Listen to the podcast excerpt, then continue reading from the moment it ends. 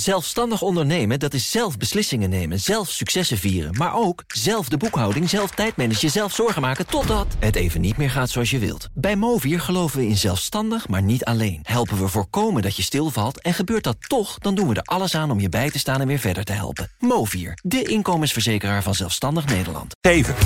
Tech Update. Conor Klerks, goedemorgen. Goedemorgen, Ik kan bijna de volgende aankondiging doen in het Belgisch. De Belgische dienst Staatsveiligheid waarschuwt voor Chinese smartphones.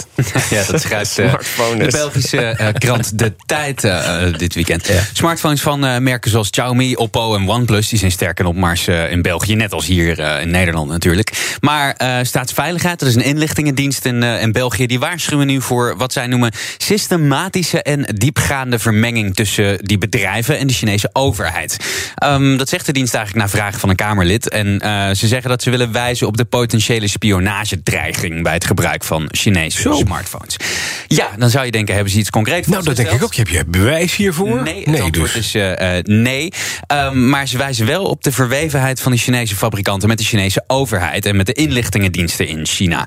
En ehm, volgens Staatsveiligheid is dat zelfs in China juridisch verankerd... dat die samen moeten werken. Het zit zo, de Chinese Nationale Inlichtingenwet... die verplicht eigenlijk alle Chinese bedrijven... tot samenwerking met inlichtingendiensten. Ze moeten ook toegang geven tot IT-systemen... en zelfs arbeidsplaatsen reserveren voor inlichtingenpersoneel. Dat zeggen de Belgen. Zo, dat is nog wat. Ze zullen er niet blij mee zijn, de Oppo's en de Xiaomi's en zo, hè? Nee, eh, dat denk ik ook niet. Eh, OnePlus en Xiaomi hebben nog niet gereageerd. Een woordvoerder eh, van Oppo wel. Die zegt eigenlijk precies niks. Die zegt wij onderhouden positieve relaties met, de, met overheden... en regelgevende instanties van de landen waarin we actief zijn. We opereren in overeenstemming met alle plaatselijke wetten en regulering. Dus niets over... Het antwoord is nee, niks eigenlijk.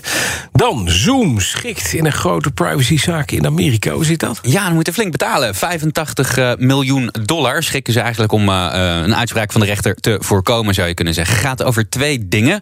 Het delen van gebruikersdata met eh, ehm, andere bedrijven, Facebook, Google en LinkedIn. En een veiligheidsaspect. En dat, daar gaat het om het Zoom-bombing. Ja. Dat weet je misschien nog wel van het begin van de pandemie hadden we daar best wel lol over. Ho- Honderd Duitse slagers, porno, ineens alles tussendoor. ja, alles Ja. in, in je, Ja. de- ja, toen moesten we erom lachen. Ehm, de Amerikaanse rechter niet. Althans, daar gokte Zoom alvast op eh, met deze schikking. Al zeggen ze naar goed eh, Amerikaans juridisch gebruik... dat ze helemaal niets verkeerd hebben gedaan... maar wel even 85 miljoen dollar overboeken. Ja, en dan even naar deze. Square, dat fintechbedrijf van eh, Jack Dorsey, oprichter van Twitter...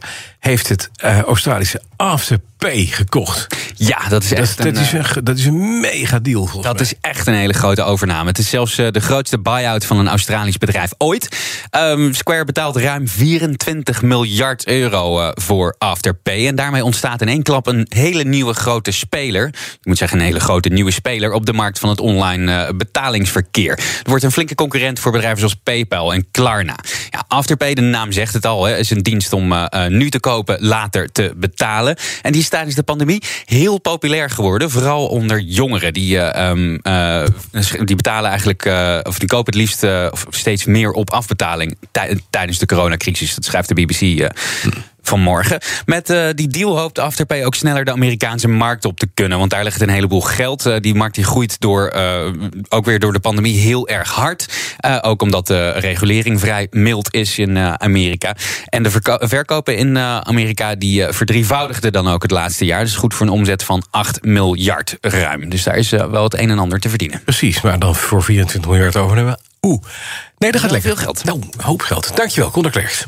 De BNR Tech Update wordt mede mogelijk gemaakt door Lenklen. Lenklen. Betrokken expertise, gedreven resultaten. Zelfstandig ondernemen, dat is zelf beslissingen nemen, zelf successen vieren... maar ook zelf de boekhouding, zelf tijdmanagen, zelf zorgen maken... totdat het even niet meer gaat zoals je wilt. Bij Movier geloven we in zelfstandig, maar niet alleen. Helpen we voorkomen dat je stilvalt en gebeurt dat toch... dan doen we er alles aan om je bij te staan en weer verder te helpen. Movier, de inkomensverzekeraar van Zelfstandig Nederland.